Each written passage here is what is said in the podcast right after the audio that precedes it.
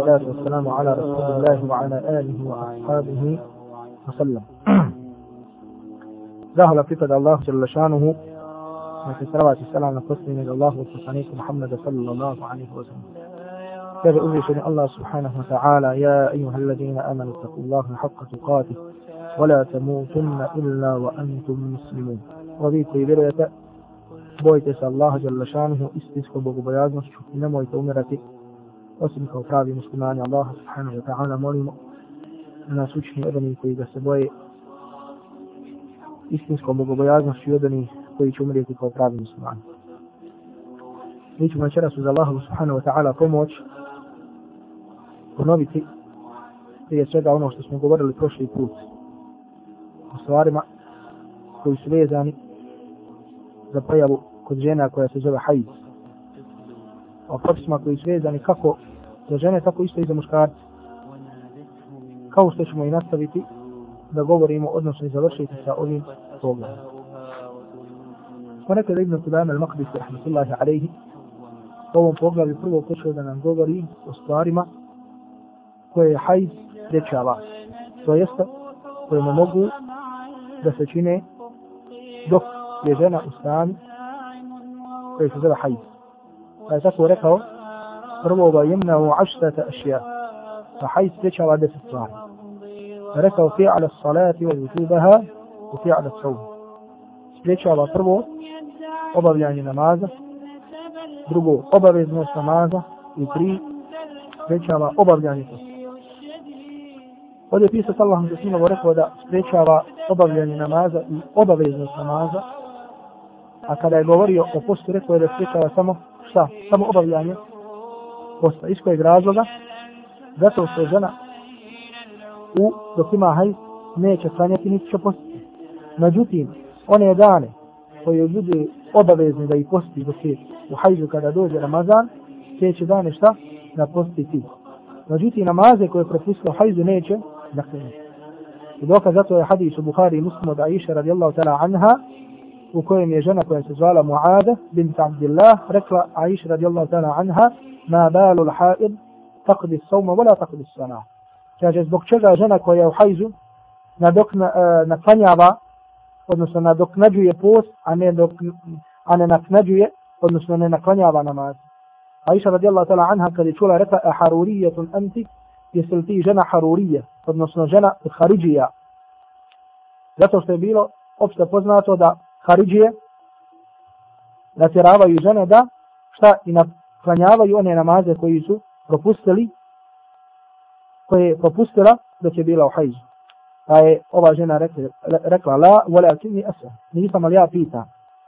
Pa je iša radila tala anha je njeno pitanje izgovorila i rekla, kana je sribu fa nu'maru bi qada'i is wala vole nu'mar bi qada'i is sora. Kaže, to nas je, to nam, to nam se je dešavalo, pa kaže, bilo bi nam naređeno da nadoknadimo post, a ne bi nam bilo naređeno da nadoknadimo odnosno da naklanjamo namaz pa se zadovoljila sa odgovorom odnosno sa samim tim što je tako bilo odnosno što je tako praksa Allahovog poslanika sallallahu alaihi wa sallam sljedeća stvar koji sprečava hajde koja?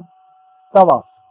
Sljedeća stvar koju žena ne može činiti dok je u hajzu, to je tavaf. I dok zato je hadis u Bukhari, kada Iša radijallahu ta'ala anha, da je Iša radijallahu kaže, odnosno kaže Aisha radijallahu ta'ala anha, labbejna bil hađi, hatta iza atajna sarif. Kaže, učinili smo talbiju za obavljanje hađa. Jer sa hađ počinje sa čim? Sa čim počinje hađ? Se izgovara im talbije harđ počinje sa čim? Sa izgovaranjem talbija, labdejk, Allahumma labdejk. Pa kaže, kada smo došli do mjesta koje se zvao Sarif, kaže, ja sam hittu, kaže, dobila sam hajz. فدخل علي رسول الله صلى الله عليه وسلم وأنا أبكي. فالله قصني صلى الله عليه وسلم أشا اياسا لقلا فلسه بيرم يكري وزاته وسلم يدشعر حي اتربلا آه، سند ابريم حج. فركو قصني صلى الله عليه وسلم هذا شيء كتبه الله على بنات آدم. وهو ينشطه الله سبحانه وتعالى بروبيسا كومي شرم آدم. شرم Alaihi salam pa kaže if'ali ma yaf'alu l'hađ غير ألا تطوفي بالبيت حتى تطهري čini sve ono što čini hađ, hađija, obični, osim što nećeš činiti tavaf oko kabe sve dok se ne očistiš. Sve dok se ne očistiš. Pa je rekao da obavlja druge stvari kao što su saj, kao boravak na repatu i tako dalje, bacanje kamenčića, osim što neće činiti šta? Osim što neće činiti tavaf oko kabe. Međutim, rekli smo, i ovo je mišljenje većine islamskih učenjaka, odnosno konsenzus, da tako kažemo islamskih učenjaka, osim što, da kažemo, ovo mišljenje se razilazi šehu islam ibn Taymiye, rahmetullahi alaihi, koji kaže da žena koja je u nuždi i koja dođe na hađ, pogotovo danas, znači kada se zna vrijeme odlaska i tako dalje, znači da žena ako dođe, da žena ako dođe na hađ i ne bude u mogućnosti da kažemo da e, bude u Mekki toliko da se očisti da obavi tavaf, u tom slučaju će obaviti tavaf iako ima hajz, iako ima hajz i to je nešto čemu se prilazi sa, aspe, e, sa aspekta nužde, odnosno sa aspekta darure i kažemo ovo je mišljenje šehehu Islama ibn Taymiye rahmetullahi alaihi. I po mišljenju šehehu Islama ibn Taymiye ona nije obavezna da da nikakav kefaret, odnosno nije fidiju, nije obavezna nikakvu otkupnju, znači da zakolje, kao što imate mišljenje, na primjer, u, u mezabu Ebu Hanife, rahmetullahi alaihi, koji kaže da će obaviti tavaf, međutim da je obavezna šta da zakolje devu. Sljedeću stvar koju sprečava hajz, petu stvar jeste sprečava učenje Kur'ana. Znači žena, dok je šta u hajzu, smije li učiti Kur'an? Smije li učiti Kur'an? Šta smo rekli prošli put? Hm?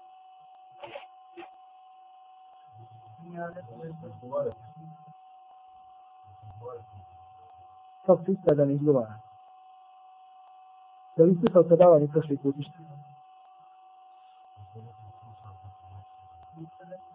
Jedno je, mi smo rekli, jedno je doticanje mushafa, jedno je učenje Kur'ana. Ja sada govorim o učenju Kur'ana da uči bez doticanja mushafa. Da li je dozvoljeno?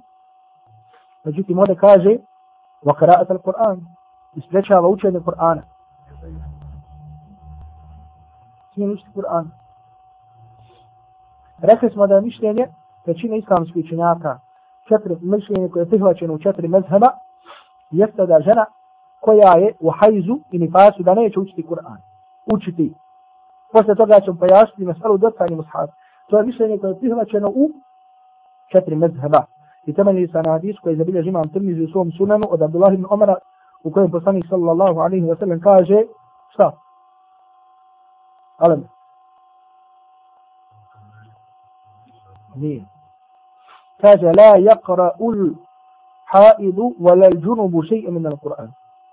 عيشة نية ليس أنا. كذا إذا جنب وصبك الجنب ويا حائض ويا جنك ويا حيز لأنه يشوش يعني تنشتا القرآن. نجيت ما هو حديث ضعيف. إسمعيان والإسمارية شحافظ ابن حجر كي كذا ده هو حديث ضعيف باتفاق ومسنو ضعيف من جميع طرقه. ده da svi putevi sa kojim, preko koji se prenosi ovaj hadis da su slabi. A šeho sam ibn Taymiye kaže da je ovaj hadis da'id bit tifaqi ahli al-ma'rifa bil hadis. Da svi oni koji poznaju koji su učenjaci hadisa da kaže da ovaj hadis da I na osnovu toga šeho Islam ibn Taymiye i drugi koji ga slijede odabiru, odabire mišljenje da je dozvoljeno ženi da uči Kur'an dok je u hnada. To je mišljenje, mišljenje, jedno od mišljenja u mezhebu imama Ahmada, iako mišljenje koje je prihvaćeno jeste da neće učiti. Spomenuo ga Nardavi u svom dijelu Al-Isar. I drugo mišljenje, koje također odabire šeho Islam ibn Taymiye, jeste da ukoliko se žena boji da će tokom hajde zaboraviti, da je veđeba, da je obavezno joj da uči. Ne samo da je dozvoljno, nego da je obavezno ukoliko se boji zaborava. Ukoliko se boji zaborava. Znači ovo je jedna od mesela gdje smo rekli, znači da je mišljenje koje ispravnije kar rađah, ono drugo, drugačije nego što je spomenuo Ibn Kudajma al-Maqdisi. Sljedeća šesta stvar jeste mesel mushaf, doticanje mushaf. Znači ovo je sad druga mesela. Ovo je sada govorimo o doticanju mushafa. Smije li doticati mushaf žena koja je u hajzu ili da kažemo također čovjek koji je džunup ili da kažemo šta čovjek koji nema abdesta sve ove osobe smiju li doticati mushaf sve ove osobe imaju isti propis žena u hajzu čovjek koji je džunup i čovjek koji nema abdest pa makar i ne bio džunup, po mišljenju četiri imama i mišljenje koje je ispravno, jeste da ove osobe ne smiju da doticaju mushaf. I to mišljenje zabire šehu Islam ibn Taymiye. Šta je dokaz o mišljenju? Hadis u kojem Allahu poslanik sallallahu alaihi wa sallam kaže La yamassu l-Qur'ana illa tahir. Hadis je zabilježio da rekutni tabarani od ibn Umara, hadis je vredosan, da osoba e, da neće doticati, ne dotiče mushaf osim tahir, osim onaj koji je čist. A riječ tahir od, ob, e, obuhvata i onoga, da kažemo, koji ima abdest, i onoga koji nije u hajzu, i onoga koji nije džunup. Znači sve ove osobe obuhvata ova riječ koja se zove tahir. Međutim, normalno, e, prošli put su neka braća upitala da imam nevevi rahmetullahi alaihi spominje iđma koncenzus da imam nevevi spomenuo koncenzus islamskih učenjaka da je dozvoljeno učenje Kur'ana bez abdesta. Po koncenzusu islamskih učenjaka dozvoljeno je učenje Kur'ana bez abdesta, normalno za osobu koja nije džunup i koja nije u hajzu. Dozvoljeno im je po konsenzusu, znači nema nikakvog razilaženja da im je dozvoljeno da uče, ali ne da je dotiču mushaf, nego da uče na pamet ili da gledaju mushaf bez doticanja. Međutim, osoba koja nema abdest, onda nju slijedi ono, odnosno što smo sada spomenuli. Sedma stvar jeste al-lubsu ili al-lubsu fil masjid da sprečava boravak u masjidu. Osoba koja je u hajzu, smije li boraviti u masjidu, ne smije da ulazi u mesjid. Dokaz tome je šta?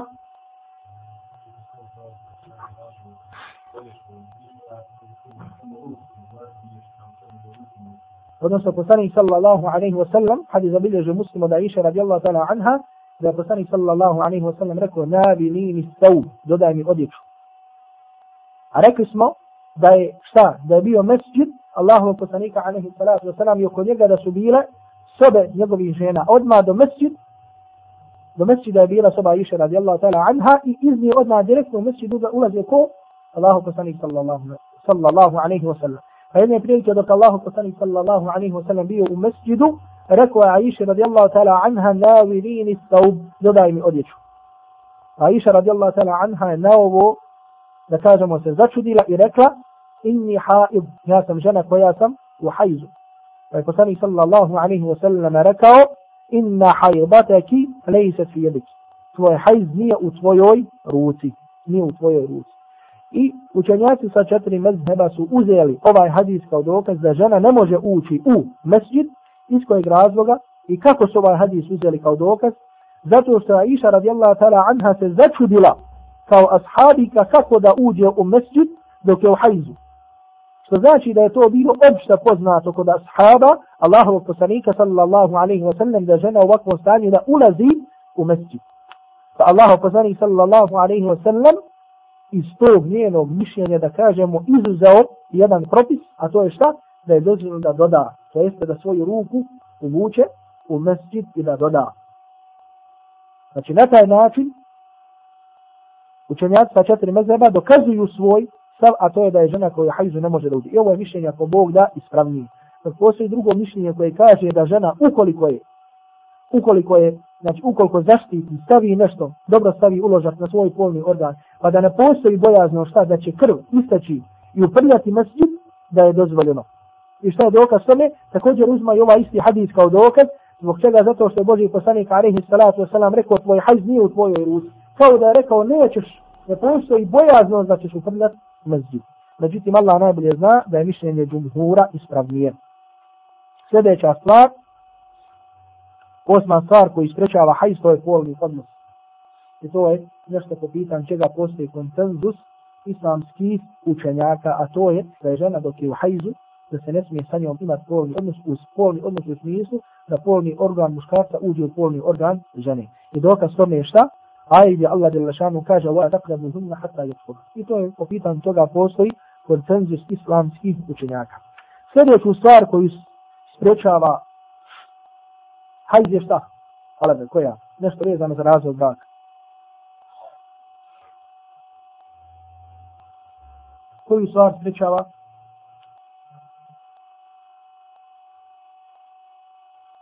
sljedećeg puta, inša Allahi ta'ala, uz Allahom za zašanu pomoć, postoje sljedeća tri prava. Prvo je pravilo, niko ne smije doći na den bez peki. Prvo pravilo. Drugo pravilo, niko, ako kad počnemo ders, Ako zakasni, neka ne dolazi na ders. Ako je ders počeo, ako sam sjeo i rekao, bismillah, alhamdulillah, wassalatu wassalamu ala rasulillah, ko se nađe na stepence, neka se vrati. A ders, da budemo precizniji, počeo će tačno u 7 sati. Počeo će tačno u 7 sati. I treća stvar, ako slučajno neko išta uradi sa mobitelom, odmah ne napusti drs. Ali prva stvar koju ovom prigodnom napominjem jeste da je obavezno zapisivanje, nošenje teke i loptu. Iz kojeg razloga? Zato što ovo vama se čudi nekada po dan ili dva da vam ovako pojednostavi. Da kaže, i onda opet pitam o čemu sam govorio i ne znam. A ja potrošim od svog vremena svoje dva dana i bi opet pored svega toga ništa ne upam. Dobro, ne jesam. Allah da lišanu se smili su. Sljedeća stvar koju sprečava hajz jeste da čovjek da čovjeku nije dozvoljeno u smislu da mu je halal da razvede svoju ženu dok je ona u hajzu. A sad ovdje možemo da tretiramo dva pitanja. Prvo, kada čovjek razvede svoju ženu dok ona ima hajz, da li se taj hajz ubraja kao razvod? Ubraja u tri razvoda. A drugo je, da li mu je to halal ili mu je to haram? Pa kada je u pitanju prva stvar, šta? Da li se ubraja čovjeku ako razvede svoju ženu? Dobro, e, ne govorimo o braju. Da li mu se ubraja u ona tri razvoda? U dva razvoda. Sa jedno od mišljenja, recimo. Međutim, mišljenje koje je ispravno, mišljenje koje je sa četiri meheba, da se to, taj razvod ubraja. Znači, ako čovjek razvede ženu u hajzu, to se računa da je jednom razveo. Ako je opet razvede, on to je drugi put je razveo. Te razvede ne može više nikada sebi povrati dok je drugi oženi. Dok je drugi šta? Da oženi. Međutim, da li je znači mišljenje većine islamskih činjaka da je šta E, mišljenje koje se temelji na riječima Abdullah ibn Omer u Buhari i Muslimu kada je razveo svoju ženu dok je bila u hajzu pa je Omer njegov otac otišao da pita Allahovog poslanika sallallahu alaihi wa sallam pa je poslanik rekao murhu fel yurađiha naredu mu da je povrati. Pa kaže Abdullah ibn Omer va husiba tilika talaka pa mi se taj razvod ubrojao kao razvod. Ovaj rivajet u Buhari to je prva stvar. Ako čovjek razvede ženu u hajzu to mu se smatra da je kao jedan od dva razvoda posle kojeg ima pravo da povrati ženu. Druga stvar, da li mu je to, da li mu je halal da razvede ženu u hajzu, i kažemo haram je čovjeku da razvede svoju ženu u hajzu. To je stvar koja mu je haram. Znači učinio je nešto što je veliki grijeh. To je stanje u kojem čovjek ne smije da razvede ženu haramu je, ali ako bi je razveo, pored toga što se ogriješio, smatra mu se kao da je, odnosno broji se u ona dva razloda posle kojeg ima pravo da povrati svoju ženu. Sve ovo na temelju hadisa u Bukhari muslimu od Abdullah ibn Omara, dužijeg hadisa u kojem je Abdullah ibn Omar razveo svoju ženu dok je bio u hajzu, pa mu Boži poslanik alaihi sallatu wasallam naredio da je povrati i spomenuo još propisa koji su vezani, međutim ovo sada nije tema toga, nego o tome se govori kada su bračnom pravu govori o razvodu braka. I sljedeća stvar koju spriječava hajz, to je iddet mjesecima. A mi smo rekli šta? Mi smo rekli, e, ovo je također vezano za, raz, e, za porodično pravo, za poglavlje o razvodu braka, a to je da žene koje su razvedene, da svaka žena koja se raziđe sa svojim mužem, kažemo raziđemo, ne mora biti razvod, može e, doći do razilaženja, da kažemo e, razorgnućem braka ili smrti i tako dalje, ima nešto što se zove idde, ima nešto što se zove idde. Pa na primjer žene koje su razvedene, ne kojima su muže umrli, koji su razvedene, one e, njihov iddet, ukoliko su žene u hajzu, je tri hajza. Njihov iddet je šta? Tri hajza. Da tako? Dobro. Međutim, ima žena koje su mlade, koje još nisu dobile hajz, ili stare kojima je prošao hajz, pa njihov hajz traje tri mjeseca. Tri mjeseca. I Allah Đelešanu kaže وَاللَّهِ يَئِسْنَ مِنَ الْمَحِيدِ مِنْ نِسَائِكُمْ مِنْ يَرْتَبِتُمْ فَعِدَّتُهُنَّ ثَلَاثَةُ أَشْهُرٍ وَاللَّهِ إِلَمْ يَحِدْ Kaže one žene koje, ma, koje su izgubile nadu hajz, to jeste koje su od starosti izgubile hajz, kaže njihov idret je tri mjeseca, kao i one koji nisu dobile hajz. Što znači da žene e, koje imaju hajz, one su obavezne da svoj idret računaju kako? O hajzu, a ne po mjesecima. Jer Allah subhanahu wa ta'ala kaže وَالْمُطَلَّقَاتُ يَتَرَبَّسْنَ لِأَنْفُسِهِنَّ ثَلَاثَةَ قُرُوا Žene koje su razvedene, neka čekaju koliko? Neka čekaju tri qur'a, to jeste tri hajza neka čekaju tri Kur'a, neka čekaju tri hajda. Znači, to je deset stvari koje hajz sprečava. Ovo je deset stvari koje hajz spriječa. Ko će nabrojati? Ali ne.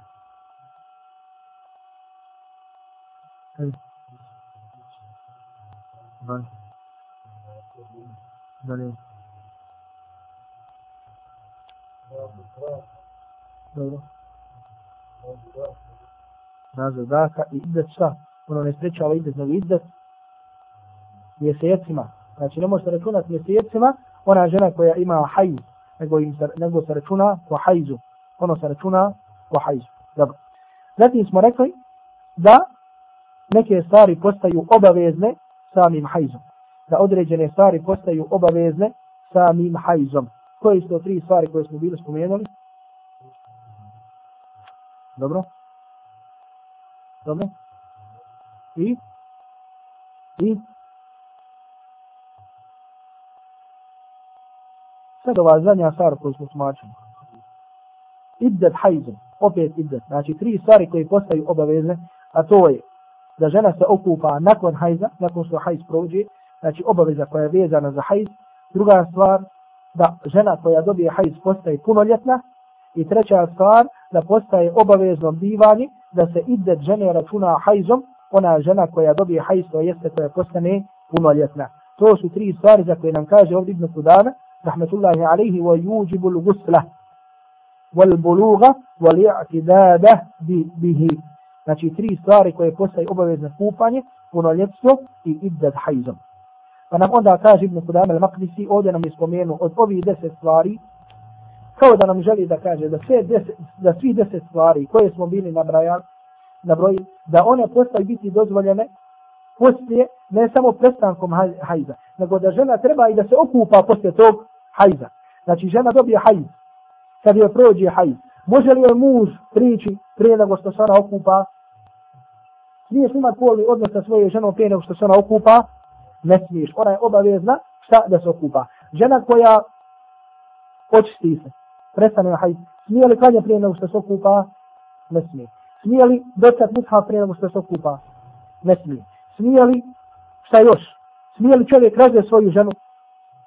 Ne smije. Smije li počeo sa postom? Smije li počeo sa postom? Smije. Smije. Jedina od ovih deset stvari sa kojom žena smije početi prije kupanja jeste post. U smislu da, na primjer, nastupa zora u 5 sati i 2 minute. Žena se očistila u 5 sati. Normalno nema vremena da se okupa, a da dan nije započeo. Ona će ući u taj dan kao šta? Kao žena koja se očistila od hajza, ali se nije okupala. Hoće li računati taj dan kao od posta? Ona će računati taj dan od posta, zato što ga je započela kao čista. Međutim, da ga je započela kao žena sa hajzom, pa makar jednu sekundu, taj dan je obavezna da nadoknadi. Ili kao da ga je završila, a da je dobila hajz pa makar jednu sekundu prije zalaska sunca, obavezna je šta? Obavezna je da naposti taj dan. Uglavnom, samo iz ovih deset stvari izuzima jedna stvar, a to je post. Analogno na muškarca, odnosno na osobu koja je džunup.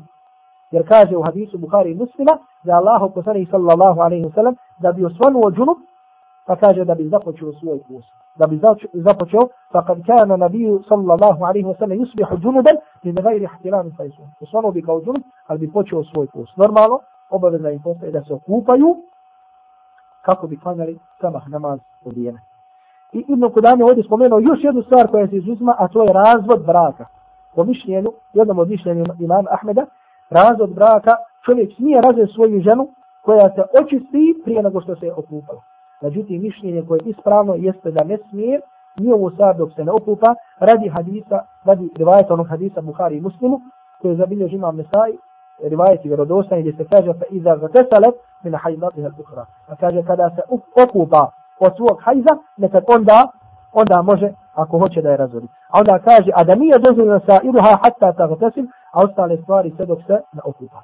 I onda nam Ibn Kudama eh, al-Maqdisi rahmetullahi alaihi spomenuo da još jednu stvar, أتوي ويجوز الاستمتاع من الحائض بما دون الفرج لقول رسول الله صلى الله عليه وسلم اسمعوا كل شيء غير النكاح. دوزو لنا يتشوفيكو دس زدوالي على سرسين ديالو إما ديالا جنة وسل فتشين سرسامين فولي مرضان سميته سدرقين ديالو إما ديالا دس زدوالي على وسل سرسامين فولي مرضان دس سنين انتاجين إتاكو داني وسل سامو I ovo je mišljenje imama Ahmeda, dok je mišljenje imama Šafije, Malike, Ebu Hanife, da ne smije kupka do koljena. Međutim, hadisi upućuju na jačinu, upućuju na jačinu mišljenja imama Ahmeda, jer je došlo između ostalog u. I ovaj hadis na to upućuje muslimu, a hadis koji to jasnije pojašnjava je hadis gdje u sunanu Ebu Davuda, gdje se prenosi, a vjero, a predaje vjerodosvan, gdje se prenosi od nekih žena Allahovog poslanika sallallahu alaihi wa sallam da su rekli kana iza arada min al haidi še'an alqa ala farđiha sauban. Da Allahov poslanik sallallahu alaihi wa sallam kada bi htio da se zadovolji ovaj, tako da ima da kažemo na jedan način odnos sa ženom koja je u hajzu, da bi stavio komad odjeće na njen polni organ, to se zadovoljio bi se sa drugim dijelom, zadovoljavao bi se sa drugim dijelovima njenog tijela. Sa drugim dijelovima njenog tijela. E, sada mesele koje nam ostaju važne kada je u pitanju sami hajz, da kažemo pitanje koje nam uh, ostaju važna kada je u pitanju sami hajz, jeste trajanje hajza. I ovo su da kažem malo teže mesele u hajzu, ja sam pokušao da vam ih pojednostavim koliko mogu i zato nadam se da ćete obratiti pažnju na njih. Nadam se da ćete na njih obratiti pažnju, međutim do tada ako da napravit ćemo jednu manju pauzu od jedno 5 minuta. اسم وحده والليالي ورصاص من حوله وجنوب والصلاة والسلام على رسول الله وعلى آله وأصحابه وسلم. الله جل شانه كم وشنستر يا مسلشي قولا بطرق سما كويغي زانو زا نفاس Zatim, nakon što nam je Ibn Qudam al-Maqdisi, rahmatullahi alaihi, spomenuo koje stvari hajz spriječava i koje stvari postaju obavezne sa hajzom, počeo je da nam govori o granici odnosno o najmanjem trajanju hajza kod žene i najdužem trajanju. To jeste koji je to period? Najmanji u kojem žena može, to jeste ako ima, ako joj toliko, da kažem, traja hajz, da može da se kaže da je to hajz. Zatim nam je također spomenuo koji je najduži period čistoće i najkraći period čistoće. I treći je najniža granica u kojoj godišnja dob u koju žena može, u kojoj žena može dobiti hajz, i najveća do koje može žena da ima hajz. Pa prvo kada u pitanju koliko hajz najmanje traje i koliko hajz najviše traje, islamski učenjaci, odnosno učenjaci četiri mezeba, su spomenuli tu granicu. Pa tako, na primjer, u mezebu Ebu Hanife, naj, najmanja granica trajanja hajza jeste tri dana. A najveća trajanja, najveća, jeste deset dana. Što znači da žena, ako joj se pojavi krv koja je teče dan, dva, pa prestane a ne teče tri dana, ta, taj prvi dan i drugi dan, to što je bilo, oni ne nazivaju hajzom. Ono nazivaju istihazom. Pojasnimo šta je istihaz. Što znači da sve namaze što je tada popustila, da je obavezna da ponovi. Zato što je ostavila, radi krvi, radi koje misla da je hajz, međutim to nije bilo hajz. U mezabu imama Ahmeda, najniža granica trajanja hajza jeste jedan dan i jedan noć. To jeste ako žena šta ako žena pojavio je se hajz jedan dan, a ne bude tu noć, to što se pojavilo u tom jednom danu, danu od ne smatra se hajzom. Ne smatra se hajzu. Zbog čega? Zato što je kažu najmanja granica jedan dan, jedan noć. Zatim, najduže trajanje hajza u mezhebu imam Ahmeda jeste 15 dana. To jeste sve ono što bude mimo 15 dana, ako je traje 16 ili 17 dana, ne smatra se hajzom, nego se smatra istihazom. Pojasnimo ćemo također što znači, kao što smo rekli što znači istihaz. Međutim, mišljenje koje je ispravno, da ne postoji najniža i najviša granica hajza. To jeste svaka krv, kao što kaže šehe Islam ibn Taymi. Dobro pazite. Koja izađe, izlazi iz žene, iz polnog organa žene, u osnovi se smatra hajzom. Sve dok ne dođe dokaz da kažemo da je to neka druga krv. A ovdje je glavna stvar da znamo da je hajz prirodna krv koja izlazi iz polnog organa žene. To je prirodna krv. Što znači da ukoliko dođe do toga da izlazi krv iz žene radi nekog poremećaja i radi neke bolesti, to se ne naziva hajzom, nego naziva se istihazom. A žena, kada joj ističe krv, koja se zove istihaza, smatra se, ona je u propisu, a tahirat, žena koje su čiste, koja klanja, koja posti i tako dalje, iako ide krv. Zbog čega? Zato što to nije krv hajza, nego krv istihaze. Izlazi radi neke bolesti, radi poremećaja i tako dalje. Što znači, vraćamo se, da ne postoji najmanja i najveća granica hajza, nego svaka, svaka krv koja izađe, da kažemo i žene, žena osjeti da je to hajz, a žene znaju, osjete hajz, imaju znakove hajza, to se smatra hajzom. Pa makar da se zadesi da neka žena, da joj mjesečno dolazi hajz, da kažemo, koji traje samo jednu, jedan dan ili jednu noć. Ili da ima, na primjer, žena koja ima hajz traje 16 dana. Znači, koliko god da traju, ukoliko je to nešto prirodno, što tako biva kod žene, da kažemo svakog mjeseca, to se naziva hajzom, koliko god onda imao najnižu, ili koliko god on najmanje ili najduže da bude trajao. Taman 16 ili 17, da kažemo dana, ukoliko je to nešto što da kažemo svakog mjeseca tako izlazi kod žene. Ukoliko je to nešto što da kažemo svakog mjeseca tako izlazi kod žene. Zatim kada je u pitanju, drugo pitanje, to jeste koliko čistoća najviše može trajati ili najmanje, normalno učinjaci kažu da nema razilaženja da ova, e, koliko čistoća najduže može da traje. Međutim, kada u pitanju najkraće trajanje čistoće, onda, na primjer, u među imam Ahmeda kažu da je to 13 dana. 13 dana. Šta to znači? Znači da ako se žena očisti i prije nego što prođe 13 dana, pojavi se krv. Oni kažu da to nije hajz. Oni kažu da to ne može da bude hajz. Međutim, kažemo, u većini slučajeva to biva ovako, međutim, ukoliko bi joj se pojavilo i prije 13 dana, da joj izađe krv, a ona osjeti da je to krv hajza, znači prepozna hajz, onda kažemo da nema nikakve zapreke da kažemo da je to hajz.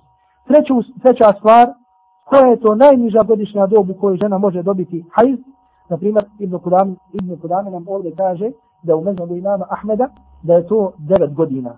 Što znači da žena po prije devete godine, ako je izađe krv, da se to ne naziva hajzom, da se to ne naziva hajzom. Dok, kada u pitanju najveća granica kažu da je to 60 godina. Što znači da žena koja se pojavi krv iznad 60. godine, da šta? Da to ne smatra hajzom. Međutim, kaže mi, ukoliko se pojavi koji djevojčice, na primjer, 8 godina, jer je to stvar koja se razlikuje od, na primjer, geografskog položaja i klime i tako dalje, ukoliko, na primjer, u nekom mjestu žene ili djevojce dobiva hajsa 8 godina, nema nikakve zapreke da to bude hajz. I u nekim e, mjestima žene i prođu 60 godina imaju hajz, nema zapreke da to tako bude. Znači sve ove granice koje nam je postavio Ibn Sedame, koji su postavili učenjaka ili Hanbelijskog, ili Šafijskog, ili Hanefijskog mezaba, postavili su većini slučajeva na osnovu adeta. To jeste vidjeli su ove granice kod žena koje su bile u njihovom, da kažemo, vrijeme i njihovom sredinom Mada šarijat nije došao sa dokazom niti iz Kur'ana, niti iz sunnata, kada su pitanje ove granice. Nego jedino što nam je rekao, jeste da nam Allah subhanahu wa ta'ala kaže وَيَسْأَلُونَكَ عَنَ الْمَحِيدِ قُلْ هُوَ أَذَا I pitaju to hajzu i reći to je neprijatnost. Što znači da kada se kod žene pojavi krv, koja može da bude hajz, to se smatra hajzom. Pa makar traju manje od jednog dana i jedne noći, ili više od 15 dana, makar se pojavilo prije 13 dana od kako se žena očistila, makar se pojavio prije 9. godine ili 60. godine, znači sve to ukoliko se je pojavilo, a žena to osjeti i smatra da je to hajz, onda je to hajz, onda se to smatra hajz. Dobro. Ima jedna pojava kod žena da kažemo koja nije prirodna. Ako smo rekli da je hajz nešto što je prirodno, ili što je da kažemo Allahu poslanik sallallahu alaihi wa sallam rekao hada šej ketebahu Allahu ala banat Adam. To je nešto što je Allah Đelešanu propisao čerima Adama. To je znači hajz je nešto prirodno što izlazi iz materice žene. S druge strane imamo pojav, pojavu krvi, to je druga, druga vrsta krvi, a to je koja nije prirodna i koja u većini slučajeva izlazi radi bolesti ili radi nekog poremeća. Ta, ta krv koja u toj situaciji izlazi iz žene zove se kako? Zove se kako? Istihaza. To je druga vrsta. Treću imamo nifas koja izlazi poslije poroda. Ili uzrokom poroda. Znači druga vrsta koja izlazi neprirodno, radi poramećaja, radi bolesti, zove se istihaza. To je da kažemo jedna neprirodna pojava ili nečesta pojava i zato je za vrijeme poslanika Arehi Salatu Veselam prenešeno da je svega osam ili devet žena koje su imale istihazu. Bile koje su imale istihazu za rasu hajza, to je svaka žena koja ima hajza.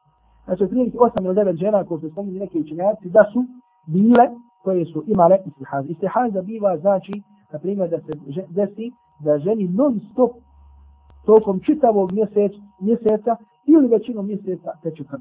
Znači, krv nikako ne smeje. Šta ćemo sada s ovim? Na primjer, imamo ženu koje čita mjesec krv teče. To ne može da bude hajz. To ne može da kažem bude hajz, zato što to upućuje na jednu ne prirodnu pojavu. E sada, da bi razumjeli kako se odnositi, da kažemo, prema ovoj pojavi, u, ili da islamski činjaci na osnovu hadisa su nam spomenuli nekoliko vrsta žena koje mogu da budu ili koje su vezane za ovaj, za propis istihaza. Tako imamo prvo ženu koja se zove Mubtada. Na primjer, to je šta? To je žena, ali Mubtada je znači početnica. Žena koju je prvi put dolazi hajz. Znači djevojčica ili djevojka koja je prvi put dobila hajz. I ona nema nikakvog, ona ne zna kakav, e, kao žene starije ko, koje mogu prepoznati svoj hajz po mirisu, po boji, po vremenu kada dolazi tako dalje. Ova je žena, je žena koja se prvi put spominje, prvi put pojavljuje hajz. Koliko će ta žena, koliko je njeno trajanje hajza, ako se desi da je puno traje i tako dalje. E, ako se desi da traje, na primjer, 7-8 dana ili bude 15 dana ili 20 dana i tako dalje. Kakav je propis ove žene? Propis je ove žene koje se prvi put pojavi hajz, jeste da će ostaviti namaz onoliko koliko je krv traje. Onoliko koliko joj krv traje. Znači, ako je traje 6-7, pojavio se krv teče jedan dan, dva dana, tri dana, četiri dana, pet dana, šest dana, čitavo to vrijeme, ona će šta? Neće obavljati namaz, neće postiti i tako da. I ovo je mišljenje koje je odabrao šehu Islam ibn Taymiye, poslije toga si ti. Kažemo za razliku od mišljenja koje ima u međunarodnom imam Ahmeda, da kada je počinje teći krv, da će jedan dan, jednu noć, da neće klanjati, da će poslije toga se okupati i da će klanjati pa makar da krv tekla. Zato što kažu jedan dan, jedan noć, to je sigurno krv, a za ovo drugo postoji, e, da kažemo sumnje da je porodiče. Međutim, kažem, osnova je da svaka krv koja istekne i žene, da se to smatra hajzom. Da se to smatra hajzom. Dobro, ovo je prva stvar. Druga stvar jeste žena koja se zove mu'tada. Mu'tada. To jeste što znači mu'tada? Ada, dolaže od riječi ada, od običaja. Žena koja poznaje trajanje svog hajza, znači žena koja ima običaj. Na primjer, e, to je žena znači koja je više puta dobila hajz, pa nije, ona zna da je trajanje njenog hajza svakog mjeseca sedam dana. Svakog mjeseca, koliko? Sedam dana. Dobro. Međutim, desilo se da kažemo da joj krv ide, na primjer da joj traje čitav mjesec dana. Da joj traje koliko? Čitav mjesec dana. Kako će ona postupiti? Ona će ostaviti, znači ako vidi neće klanjati samo sedam dana. Postupit će po svom ali. Poslije toga će se okupati i sve ono što bude, da kažemo, trajalo, sve ono što bude trajalo, ona će u tom vremenu obavljati namaz, ona će postiti i tako dalje. Na osnovu između ostalog hadisa koje zabilježe Buhari i Muslim, od Fatime, da je, e, da je došla i da je rekla Allahovom poslaniku sallallahu alaihi wa sallam, Fatime bint Hubejš, da je došla Allahom poslaniku alaihi salatu wasalam i rekla inni mra'atu istihad, fala atvur, ata atraku sala, ata atruku sala, kaže ja sam žena koja imam istihazu, krv mi nikako ne prestaje. Pa kaže, hoću li ostaviti namaz? Pa kaže Allahu poslanik sallallahu alaihi wasalam, la, wala, rekao je la, inna zalika irq. Ne, to je irq. To jeste, to je samo, to su kapljice, e, to je kapljice, znoj ili nešto tako, znači koji ne izlazi prirodno, ولكن دعي الصلاة قدر الأيام التي كنت تحيضين فيها ثم انتصري وصلي ne, ali kaže ostavi onaj broj dana koji si prethodno imala hajz, na primjer 7 dana, u tom vremenu nemoj klanjati, posle toga se okupa i klanja iako krv teče. Druga vrsta jeste el mumejdiza, na primjer žena koja na osnovu boje svoje krvi može raspoznat kad joj se desi ovaj stade, znači da dugo traje krv, ako ona na primjer zna da je boja njenog hajde crne boje, čim joj počne teći da kažem krv crvene boje, ona počinje tada da se kupa. Treći i četvrta osoba jeste žena koja je nasi, to jeste koja je zaboravila koliko njen hajz traje. Ona će uzeti po, e, da kažemo, onome što većina žena po trajanju hajza većina većine žena kao što je došlo, došlo u hadisu Hamne, a to je šest ili sedam dana. Šest ili sedam dana, kako je bliže da kažemo fizionomiji, odnosno e, same nje.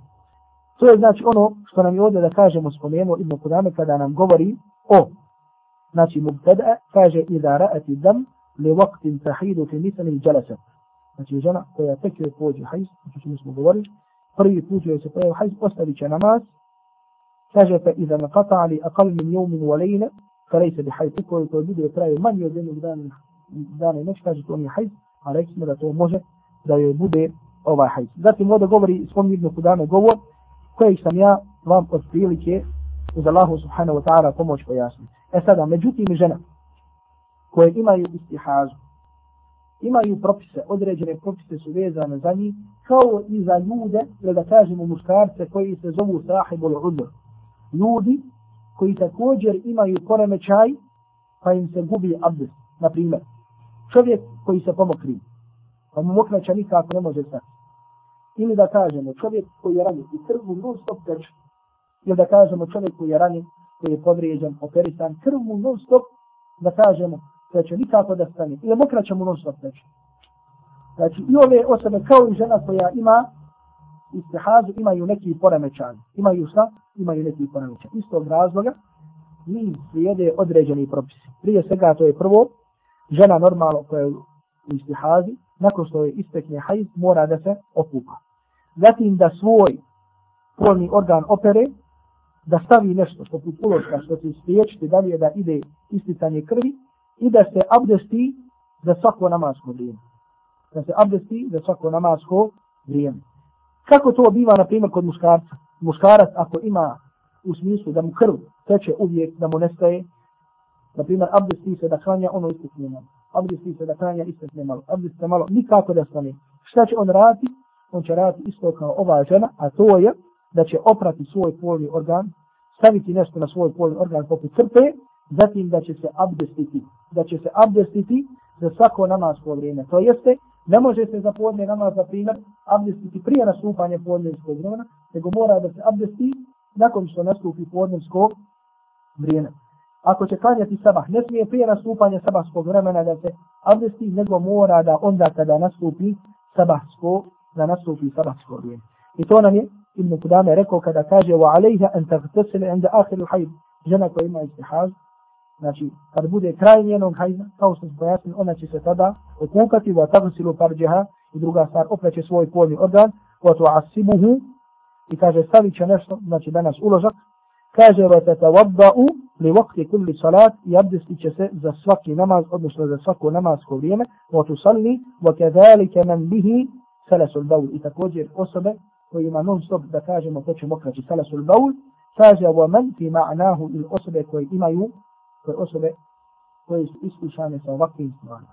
Zatim nam dalje govori o osobi koja je muhtada, što smo pojasnili, i kaže wal hamilu la tahid. Mesela koju nam je ovdje spomenuo, jeste kaže da žena koja je trudna ne može da ima hajz.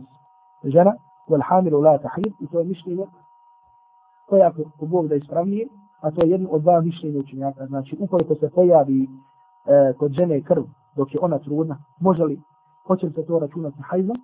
To se neće računati hajzom. To je mišljenje imama Ahmeda, mišljenje imama Ebu Hanife, to je mišljenje ispravnije. Iz kojeg razloga? Zato što je Allahu poslanik sallallahu alaihi wa sallam učinio jednim, jednim od dokaza, da kažem, ili znakova koji pučuje da nema ništa u utrobi žene, da nije noseća, da nije truda, ukoliko dobije haj. Pa je rekao za žene koje su robinje, kaže, la tuta ul hamil, kaže da žena koja je truda neće se sa njom imati polni sve dok ne rodi, wala zatu haj, kaže niti ona žena koja ima haj sve dok ne dobi haj. To jeste koji da bude dokaz da ta žena nije trudna. Da ta žena nije trudna. Kaže, illa an tara dam qabla biladatiha bi jevmin au jevmejni, pa je punu damu nifasa. Osim, znači kada žena koja je trudna može da joj istekne krv, a da ima propis hajza, ukoliko ženi koja je trudna počne prije poroda na dan ili dva, ukoliko je počne krv teč, ta se krv smatra krvni pasa.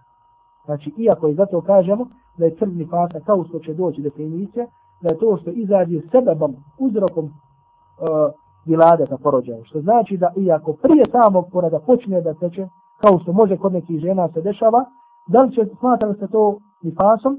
To se smatra nifasom. Zatim sljedeće što će nam Ibn Kudana al-Maqdisi rahmetullahi alihi ovdje spomenuti jeste da će nam reći nekoliko propisa za sami nifas. Pa nam kaže u adam al-kharij bi sebe bil. To je ono što izađe iz žene, a uzrok toga je šta? Uzrok toga je porod ili vilada. وحكمه حكم الحيض فيما يحل ويحرم ويجب ويسقط i kaže propis nifasa je isto kao propis hajza. Sve ono što ne smije da se čini u hajzu, ne smije da se čini u nifasu. A sada ako bi cijeli mogli bi da ponovimo i da kažemo da nifas sprečava šta? Da sprečava deset stvari. Pa da spomenemo isto ono šta? Što smo pojasnili, od prilike što smo govorili, u stvarima koje sprečava, u stvarima koje sprečava šta? U kojima sprečava hajz. Žena dok je u nifasu, hoće li klanjati, hoće li postiti, hoće li doticati mushaf, hoće li učiti Kur'an, hoće li obavljati tavaf i tako dalje. Sve ono je vezano što smo spomenuli, što smo spomenuli i zašto? Što smo spomenuli i za sami hajz i ovo je nešto po pitanju čega ima koncenzus islamskih učenjaka. Koliko je najmanje trajanje nifasa, ono da bude, može da bude trenutak ili dva, može da žena, da kažemo da rodi, a da nema nifasa, kao što se spominje, kaže, a najduže trajanje nifasa je wa eksaruhu arba'una jauman. Najduže trajanje nifasa je koliko? 40 dana. I to na osnovu riječi Ummu Salama, كانت النفساء تجلس على عهد رسول الله 40 يوم. Da su žene koje su imale nifas, da bi sjedile, to jeste ostavljale namaz, za vrijeme Allahovog poslanika sallallahu alaihi wa sallam 40 dana. Šta to znači? Šta znači da je najduže trajanje faza 40 dana? da ko bude trajao 41 dan ili pređe preko 40 dana, nakon 40 dana ona će se okupati, pa makar da on nastavi da traje poslije toga. I na osnovu riječi Ummu Salme koji zabilježi imam Ahmed ibn Davu i predaje vjerodosno. Kaže, wala hadda li akallihi, a kada u pitanju najmanje, najmanje, nema nikakve granice. A najduže trajanje ali je 40 dana. Dobro, ako se na primjer desi, evo sad jedno pitanje, žena Ovo se često dešava kod žena. Žena ima nifas. Nifas traje sedam, da kažemo deset dana. I žena misli da se očistila. Misli da se očistila. Ona se okupa, ona se okupa, međutim, bude čista dva, tri, četiri, pet dana, posle toga opet joj dođe nifas. Opet joj dođe nifas. Da li ta krv koja se pojavila nakon četiri, nakon pet dana, da li se to smatra nifasom ili ne? Znači, sve ono što se pojavi, unutar u okviru 40 dana, to se smatra nifasom. Znači žena koja je šta?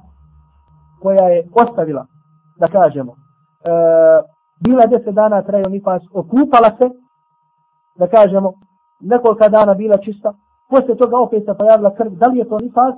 To je nifas i to se smatra nifasom. Kaže, وَمَتَا رَأَتِ الطُّهُرْ اِغْتَسَلَتْ وَهِيَ طَاهِرْ Kaže, opraće se i ona je čista, kada je pređe krv.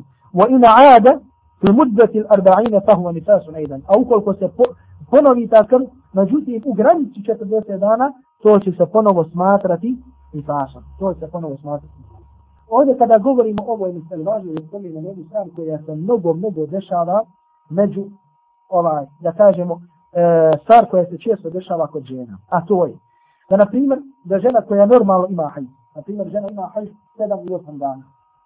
I njen adet je obično 7 ili da kažemo 6 ili 7 dana. Desi se da se okupa, da se okupa šta? I kada se okupa, onda vidi ponovo, vidi nešto poput krvi. Međutim, to u većini slučajeva biva smečkasto, ili da kažemo crvenkasto i tako dalje. Ili žučkasto i tako. Da li se to smatra, da li je to hajz posle kojeg pa makar istekne nekolike kapi, da li ponovo treba da se okupa ili ne? A? postoji razilaženje. Ne kaže. Vidiš kako Salih bolje zna o tome. Ne treba. Ne treba da se okupa. Međutim, pod uslovom. Pod broj. Prvo, žena ne smije da žuri sa prestankom hajza. Žena ne smije da žuri. Nego, žena može da raspozna, odnosno da sazna da je prestao hajz na jedan od dva načina. Prvo, da joj izađe nešto što se zove bi, e, kasfatul bejda, bijeli isčedak. Znači veliki broj žena na kraju hajza izađe im nešto bijelo, bijele kapljice. To se zove bijeli istjedak ili kasfatul bejda. Ili, na primjer, da žene stavi, da kažemo, uložak, a da ga nakon određenog vremena izade i da vidi da nema nikakvog traga na njima. To su znakovi, da kažem, koje više poznavaju žene, na osnovu čega znaju prestan, prestanak hajza. I ovo je na osnovu hadisa koji zabilježu predaje, od Aisha radijallahu ta'ala anha zabilježu ima Malik svoj muvatti, da su žene slale, pogledajte ove želje, da kažemo, za spoznajom šarijatskih propisa, da su slale uloške. Aisha radijallahu ta'ala anha, da, šta, da vidi Aisha radijallahu ta'ala anha da li im je presto hajz po tim zakovom. Allah, pa je Aisha radijallahu ta'ala anha govorila la ta'đelina, kaže nemojte žuriti hatta sve dok ne vidite al qasata li bejda, dok ne vidite bijeli istina. Kada žena na osnovu ovoga, na osnovu ovih e, znakova se okupa, sve ono što poslije toga izađe, ono se ne smatra šta hajzom. Na osnovu riječi, E, ashabiki koji kažu kunna la na'uddu al kudra wa sufra min al hajdi še'in. Mi kudra i sufra, to je smečkasto ili žučkasto, kaže nismo smatrali hajzom poslije hajzom. Ovo se često dešava ženama. To jeste prvo moraju da znaju da ne žure. I zato ako vas žene ili e, sestre koji slušaju da znaju koliko muže upitaju, znači prvo neka zna da ne žure. Ako nije požurila, i ovo se pojavilo, to nije hajz. Ne treba se posle toga okupati, nego samo neka opere svoj polni organ. Međutim, ako je požurila, onda da kažemo to se smatra hajzom. Onda se to smatra hajzom, posle čega ponovo treba da se okupa. Posle čega ponovo treba da se okupa. Također što je važno ovdje, ja da kažem, hajde ja se nadam možda da će doći neka pitanja, dosta ima pitanja kada pitan hajz, nipa za ovdje već imamo jedno, koje se kaže kakva je razlika između hajdatom i tuhrom. Hajd je hajd. hajd je hajd. a tuhr je čistoća. Kakva je razlika između hajda i tuhra, odnosno između čistoće i nečistoće, o tome smo govorili tokom čitavih ovih predavanja, a to je da je hajd šta? Znači hajd je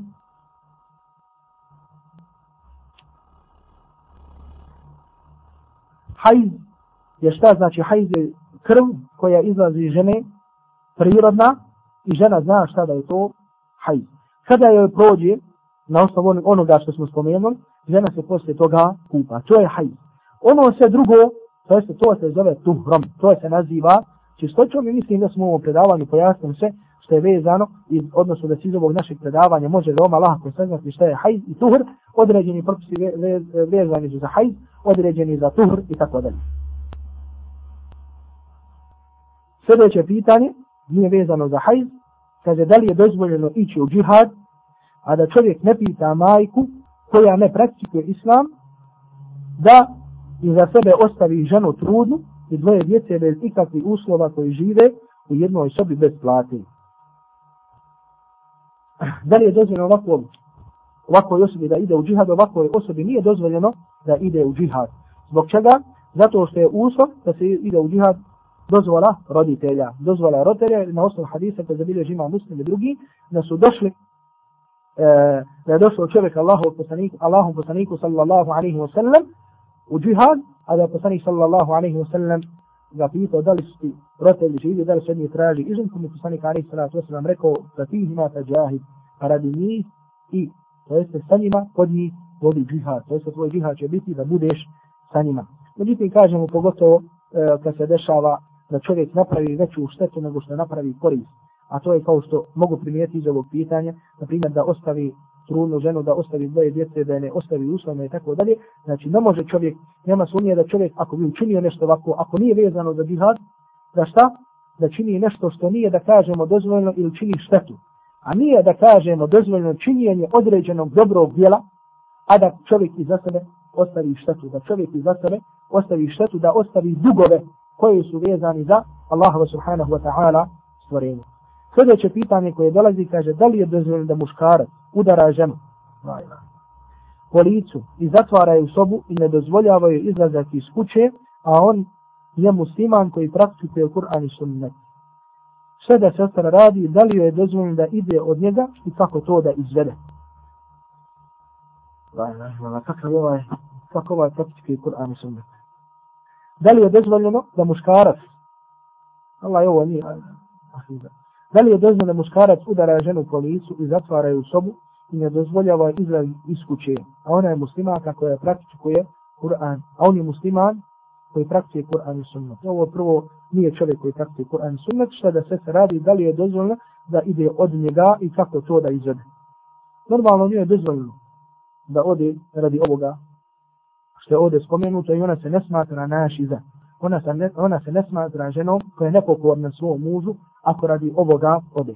I kako to da izvede? Međutim, ne dakle da kažemo da pobjegne ono u smislu da ode, da se za nju više ne zna i tako dalje, nego u ovom slučaju ona ima svog staratelja, svog veliju, od kojeg treba da zatraži pomoć, da zatraži pomoć od svojih roditelja, od njegovih roditelja, da pojasni o čemu se radi i da, da kažemo, ovog radi razloga napusti svog muža.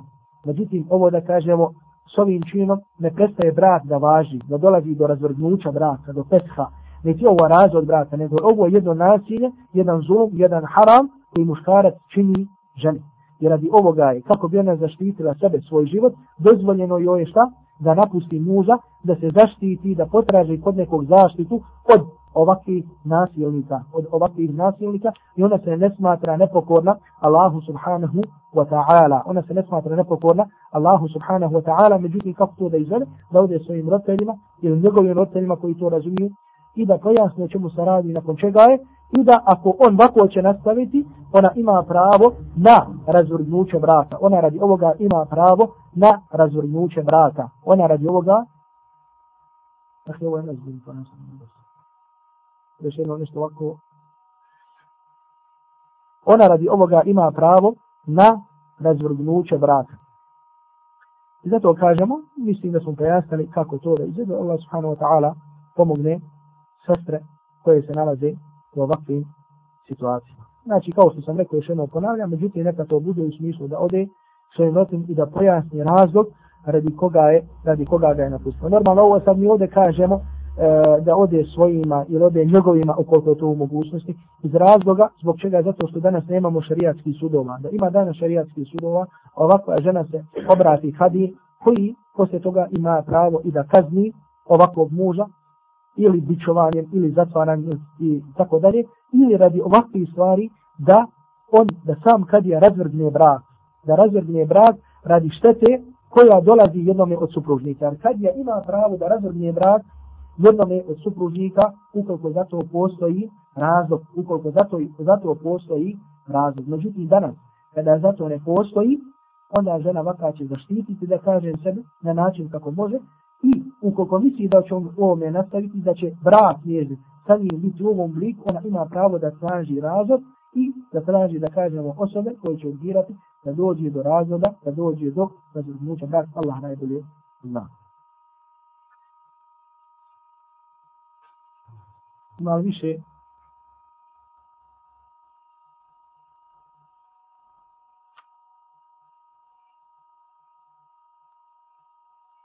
da li se gubi abdest ako se opere dijete od dvije i pol godine starosti.